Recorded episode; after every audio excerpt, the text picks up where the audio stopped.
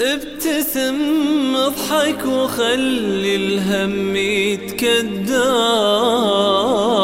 وارسم على خدك ورود لا تقول ما أقدر.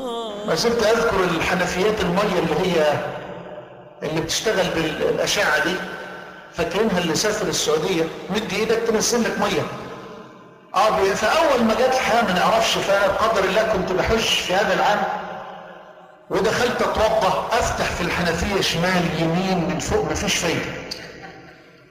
فدخل والد كبير من ابائنا الطيبين فلاح طالع الحج فقول لي يا ابني هي الحنفية بتفتح إزاي؟ قلت له والله ما أعرف أبو الحج ما أعرفش. فدخل علينا شاب سعودي فالآن محتارين. فقمت أنا بقول له يا أخي مش عاوز أقول الحنفيه بتشتغل إزاي؟ فبقول له الماء قطعه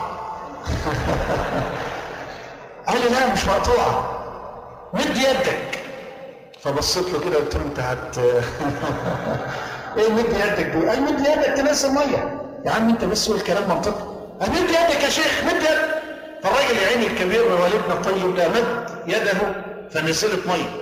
فطبعا المشهد لما تعيشه فالشاهد بقى لقيت الوالد الطيب ده سبحان الله بالفطرة النقية. لقيته بينظر إليه ويقول لي يا سلام يا ابني والله دي أرض مباركة فعلا.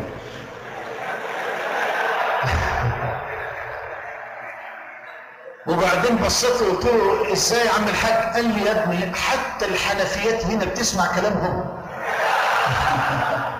ابتسم اضحك وخلي الهم يتكدر. ودك ورود لا تقول ما أقدر.